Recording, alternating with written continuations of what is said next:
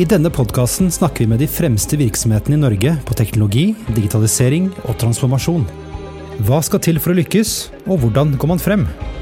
Du lytter til Teknologi og mennesker, en podkast av Athea og Oslo Business Forum.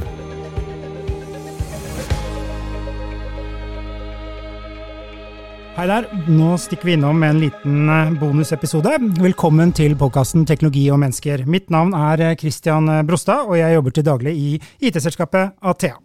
I denne episoden skal vi snakke om et høyteknologisk insekthotell som har flyttet inn på Botanisk hage. Det har fått nøye navnet Tøyen BNB, og er et samarbeid mellom Naturhistorisk museum, Athea og IBM. Tidligere i år så kom rapporten The Global Risk Report 2023, og den beskriver de største truslene vi står overfor de nærmeste ti årene. Et av disse er tap av biologisk eh, mangfold. Biologisk mangfold er et begrep som omfatter alle mulige livsformer på jorda, og vi snakker om millioner av planter, dyr og mikroorganismer, arvestoffet deres og samspillet de er en del av. Antallet arter som lever på kloden blir redusert i et høyt eh, tempo. Så hvordan kan et insekthotell bidra til kunnskapsutvikling, slik at vi kan ta bedre vare på insektene, og hvilken rolle spiller teknologi for å løse de utfordringene vi står overfor? Ukens eh, panel er, eh, er, jeg veldig fornøyd med, for å si det sånn. Eh, det er Halvard Elven, som er insektforsker ved Naturhistorisk museum. Bjørn Hegle, rådgiver IOT i Athea. Og så har vi Lars Nordbryn, som er seniorarkitekt i IBM. Velkommen til dere. Aller først, eh, Halvard, jeg ser på deg. Eh, det står jo, Når jeg leser disse rapportene, da, så eh, man blir litt depressiv. Fordi eh, det går nedover med antallet arter. Eh, hvordan er situasjonen i Norge, egentlig? Oh, den er positiv og negativ. Den er positiv i den forstand at det står bedre til med naturen i Norge enn i veldig mange andre deler av verden, inkludert mesteparten av resten av Europa. Men det står ikke bra til relativt stor andel av de norske dyre og plantene som er på rødlista. Den prosenten den bare øker for hver gang det kommer en ny versjon av rødlista. Og vi har praktisk talt ikke noe natur i Norge som ikke er sterkt påvirka av oss mennesker i negativ retning på en eller annen måte. Mm. Dessverre. Det gjelder jo da også i veldig stor grad insektene. Mm. Hvor klar over er du om dette problemet, Lars? Det, liksom, det snakkes ikke så mye om. Jeg er nok klar over det, men spørsmålet er liksom hvor mye man føler at man blir preget av det. Eh, og Det er kanskje der problemet er, at vi blir ikke preget av det før det er for sent. Derfor er det viktig å ha oppmerksomheten på det mens det fortsatt er advarsler og ikke krise. Eh, og eh, det er jo også et interessant område i kraft av at dette her handler jo om om data. ikke sant? Det handler jo om, om, statistikk, oversikter, og at man kan begynne å bruke disse tallene til å gi oss gode råd til hva vi skal gjøre videre. Mm. Så Sånn sett, for å være menneske så er det interessant, og som uh, dataperson så er det også veldig interessant. Mm. Vi kommer litt tilbake til teknologien uh, senere, men uh, Halvard, hvis vi ikke klarer å stoppe den utviklingen, hva er liksom de verste scenarioene her? Hva er det som kan skje? Altså, det som på en måte skrekkscenario, det er jo at man får en fullstendig økologisk kollaps. At uh, de viktige tjenestene i naturen som vi er avhengig av, slutter å fungere. Naturen leverer ikke lenger. Og vi er jo avhengig av naturen for eh, absolutt alt vi trenger for å leve til syvende og sist. Lufta vi puster og vannet vi drikker og maten vi spiser, alt krever at naturen fungerer. Det er skrekkscenario. Men uh, jeg er jo biolog. Jeg ligger i naturens sak at jeg tar naturens side litt, og artenes side. Jeg ser jo også på enkeltartene som uavhengig av om de er viktige for vår overlevelse, så har de en verdi i seg selv. Og da ser jeg at omtrent alle artene er i tilbakegang pga. oss, og mm. mange er i ferd med å dø ut pga. oss. Det er trist om det så ikke rokker ved vår overlevelse sånn direkte. Mm. Og det er mye å si for matproduksjon. og Alle har vel lest boka eh, 'Bienes historie'? Nei. Har du ikke lest den? Nei, jeg har ikke lest den. har dere lest den? Jeg har ikke lest den. Nei. Nei Ingen, det er bare jeg som har lest den. Det er vi har sett kort resymé. ja, det kan vi ta en annen gang. Men uh, den uh, tegner jo litt sånn røft bilde av hva som skjer når uh, pollinatorene og alt det der forsvinner, mm. da, som er knytta til matproduksjon. Mm. For det er jo det, det, folk har innsett i senere år, hvor viktig insektene er for oss. Det er klart, Nerder har jo visst det i 100 år, men at det faktisk har blitt uh, common knowledge hvor viktige insektene er for, eh, for vår matproduksjon gjennom pollinatorene. Derfor er det også veldig sterkt fokus på pollinatorer nå. som er veldig bra. Og litt irriterende, for igjen så er det oss og vår velferd som eh, styrer, eh, styrer det fokuset på pollinatorer. Ikke pollinatorene i seg selv, de driter vi så lenge vi får mat. Ja, ikke sant. Mm. Du kaller deg jo selv insektoholiker. Eller har du fått den merkelappen? Det ble slengt ut i et uomtenksomt øyeblikk, og så har det blitt huska av visse personer som ikke vil slippe tak i det. Ja, ja men det er jo en fin tittel. Det er tøffere enn min uh, tittel, Christian. Uh. Man kan vel si at uh, insektene kanskje går utover livet mitt i vel så stor grad som alkoholen går utover en alkoholikers liv. Det, det, er en avhengighet, og jeg vil ikke si at det går på livskvaliteten, for jeg har et veldig bra liv. Men du verden, det tar mye tid og ressurser. Mm. Eh, Bjørn, eh, hva er ditt forhold til insekter? Kanskje litt rart spørsmål, men eh, det er jo det vi snakker om her. Nei, Jeg har vært ja. interessert i insekter siden jeg var ganske liten. Uh, har sett uh, mye på sommerfugler og hadde lyst til å samle de og spenne de opp, sånn som du ser på museer og sånne type ting. Da, men det tok aldri helt av. Nei. Så det ble litt mer sånn teknologi isteden for meg. Så. Det er nydelig. Du har jobbet tett sammen med Halvard også. På, jobbet tett med Halvard, ja. Kommer litt til det. Ja. Eh, dette hotellet, eh, det ser jo Det var jo åpning eh, denne uken. Og det ser jo litt sånn fancy ut. Hvordan var det tenkt, Halvard, når dette hotellet var bygget? Det er jo stort, det er massivt. Og så er det sekskanta, eller?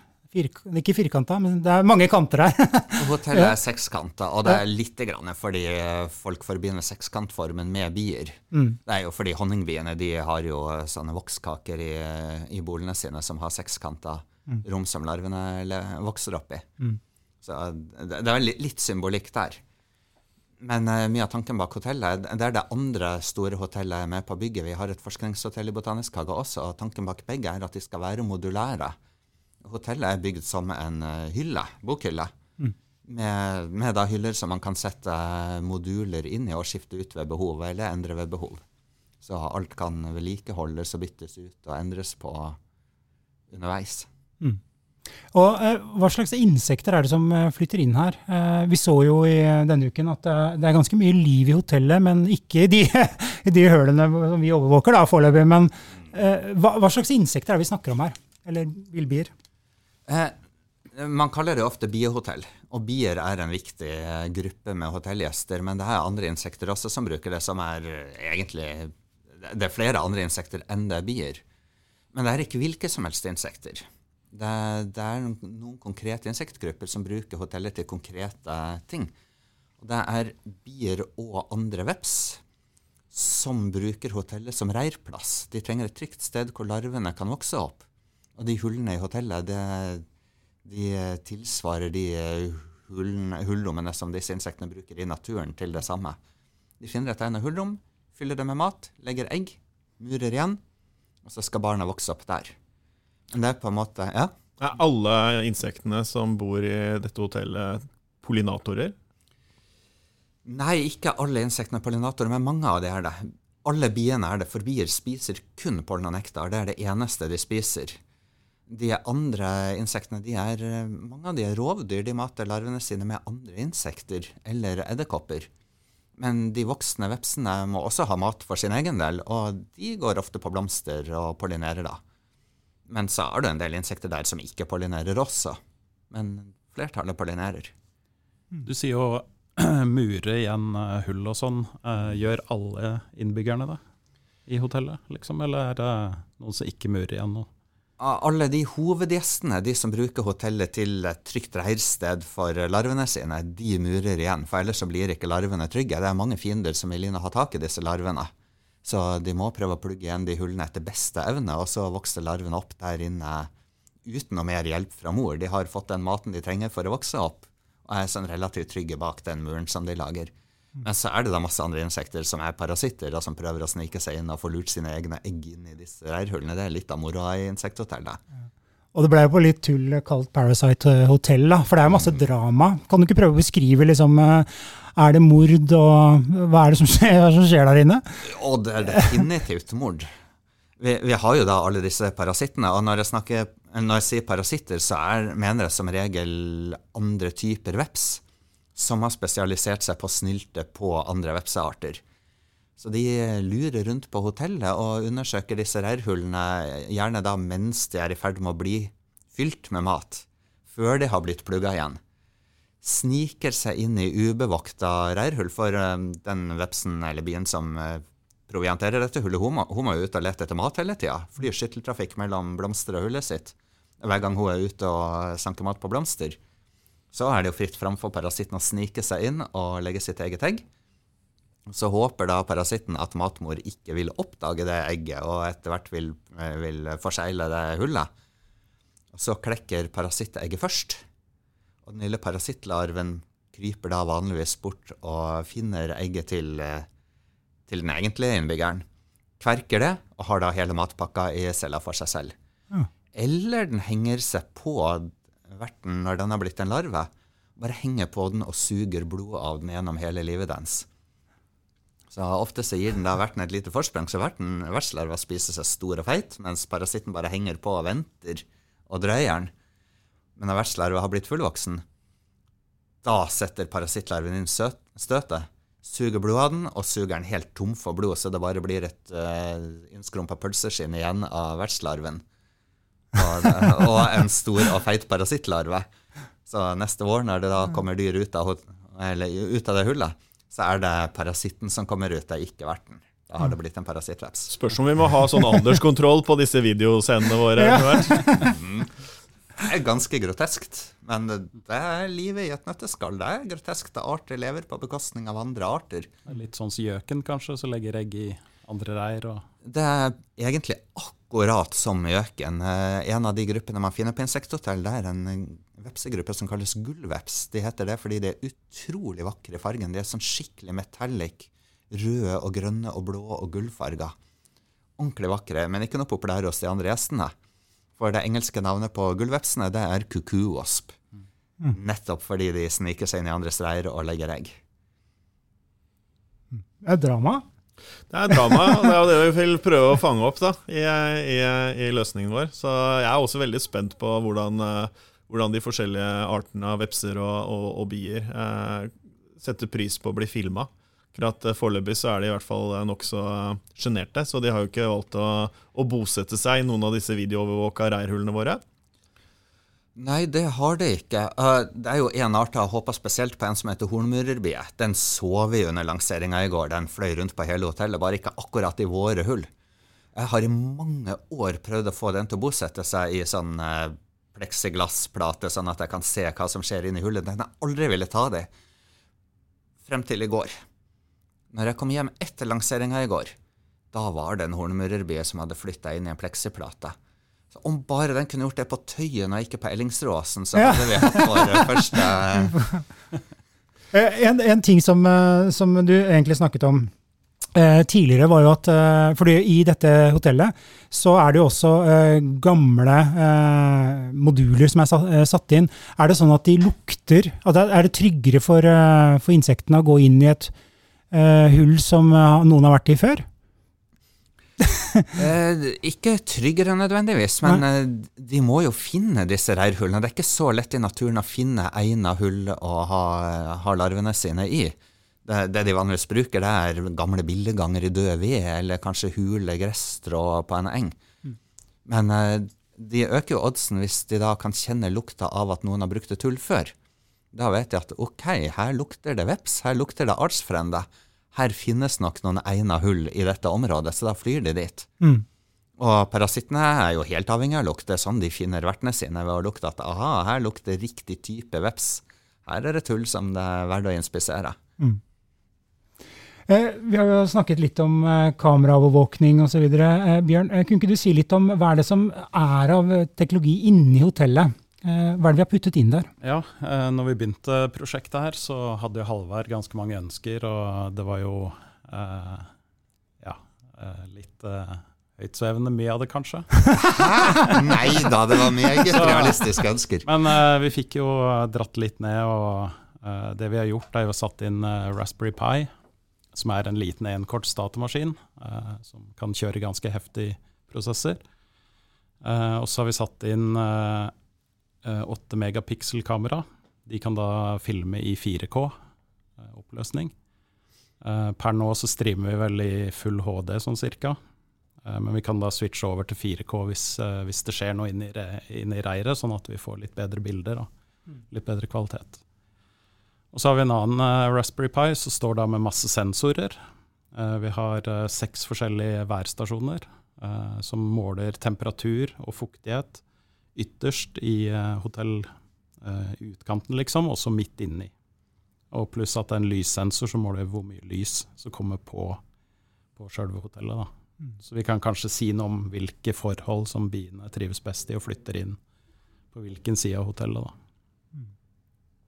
Og det er jo litt av en operasjon, for det, nå nevnte jo du, Lars, eh, pleksiglass. Det må jo eh, Merker eh, insektene pleksiglasset? Påvirker det det på noen måte?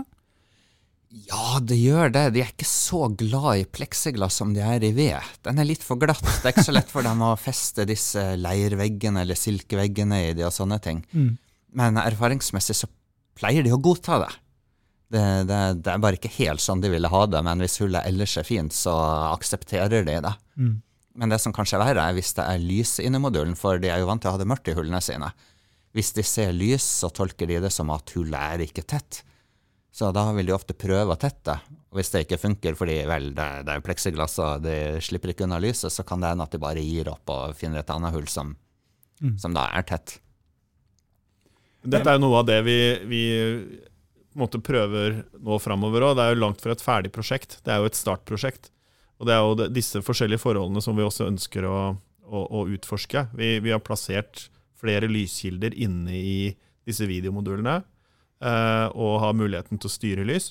Eh, det kommer vi til å se på. Eh, vi kommer vel også til å se litt eh, forskjellig underveis nå, om vi bytter noen, noen av disse modulene med andre hullstørrelser, for å se om vi appellerer til andre arter. Uh, vi ser på litt forskjellige plasseringer og litt forskjellige typer sensorer i dette her. Så det er jo et, et, løpende prosjekt hele tiden. Og det er egentlig opp til hvem som helst å komme opp med gode ideer på hva vi skal måle, og hva vi skal prøve å finne korrelasjoner da, av tall og bilder og, og, og observasjoner. Mm. For eh, alle kameraene, sensorene gir jo data. Og hva er det som skjer med den dataen? Den dataen sendes sendes, Først og fremst så sendes den ut eh, så du kan i real time se det på en webside. Så det kan publikum gå inn og se til enhver tid, hva som foregår i, i, i, i hotellet. Men det sendes også opp til, eh, til en skyplattform med analyseverktøy.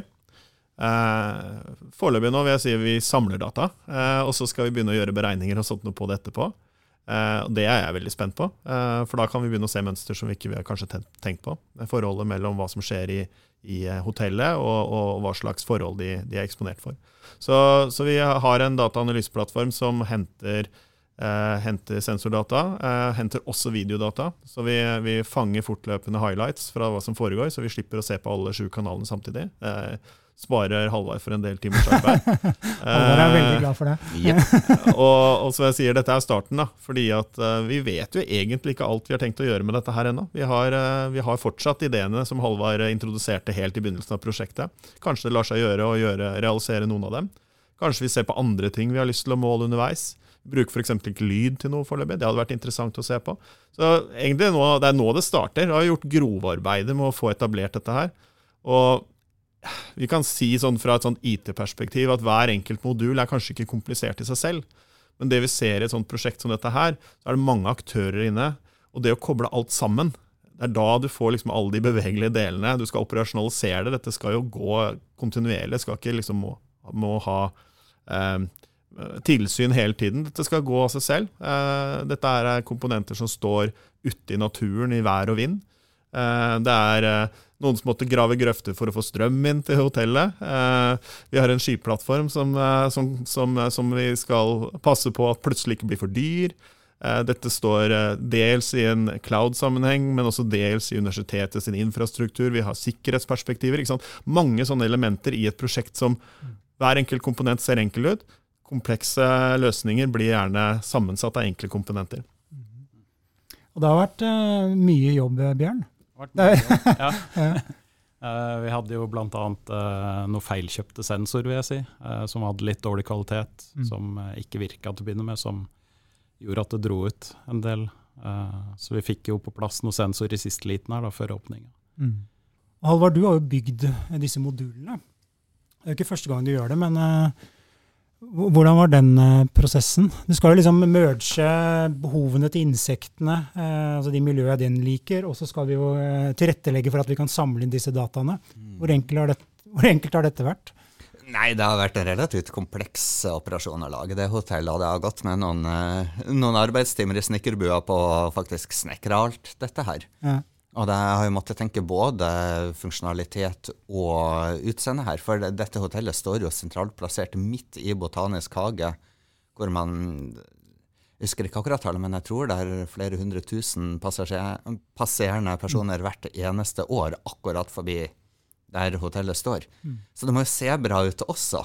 Det, det, må jo være et løft for Hagen, og ikke 'å nei'. Vi har bevitnet flere, vi har bevitnet flere aktuelle kjøpere for de neste hotellene du har tenkt å bygge, Alvar. Ja, det, Bare sette seg i snekkerbua.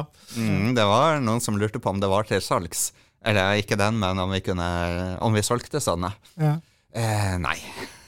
Men eh, vi har lagt ut en oppskrift, har vi ikke det? På hvordan du kan bygge. Den ligger vel ikke ute enda, men okay. vi, vi, kommer nok til å legge ut uh, teknisk beskrivelse, sånn at uh, hvis folk har lyst, så kan de lage en miniversjon hjemme, f.eks., eller den type ting. Mm.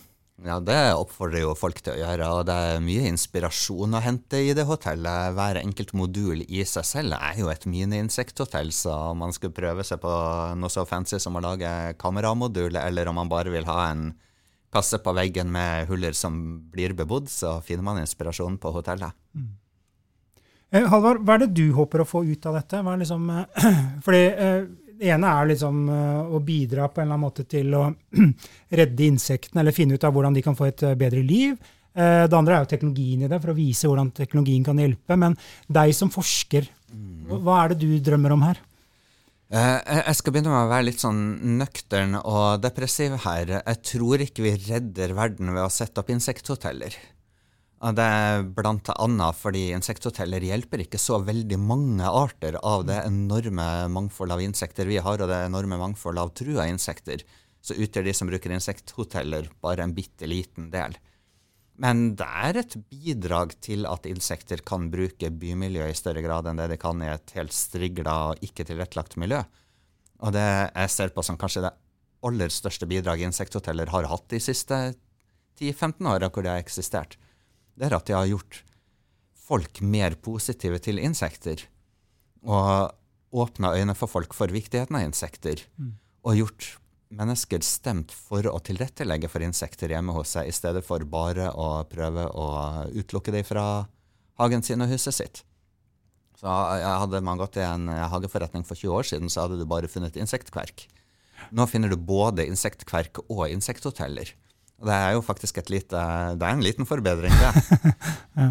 Men uh, de insekthotellene du får kjøpt i hagebutikker og sånn, er de egentlig noe Tess?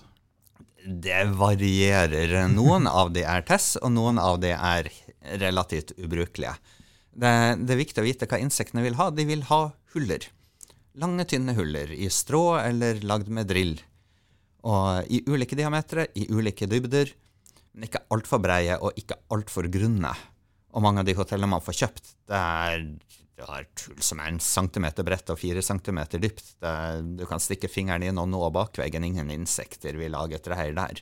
Mm. Altså er det gjerne fylt med bark og kongler, som ikke har noen funksjon overhodet, annet enn at det ser uh, veldig Pent ut. ser, ser, bra ut. ja. Så mm. Så vi anbefaler ikke det, da. Eh, man må i hvert fall se an hotell og se om mm. det faktisk duger eller ikke. Har det mange huller og lange huller og mange diametere, så er det et bra hotell. Mm. Eh, Lars, eh, hele verden snakker om maskinlæring og eh, kunstig intelligens og alt det her. Eh, hva tenker du, liksom, kan, for nå kommer det jo inn data, vi har begynt å høste data. Eh, hva, hva er det vi kan bruke den teknologien til for å få mer kunnskap? I første omgang så er det enkle ting. Eh, og det er jo å se mønster i tall. altså se, samle, samle, mange tall, så vil du se hvordan tallene samspiller. Og om du kan forutsi at hvis den ene kurven går opp, så går den andre ned, f.eks. Det er jo eh, kanskje vanskelig å kalle det maskinlæring, men det er en ren statistikkoppgave. Mm. Og så er det jo alltid spørsmål om hvor, hvor mye forskjellig type data vi klarer å samle sammen, og volumet av det.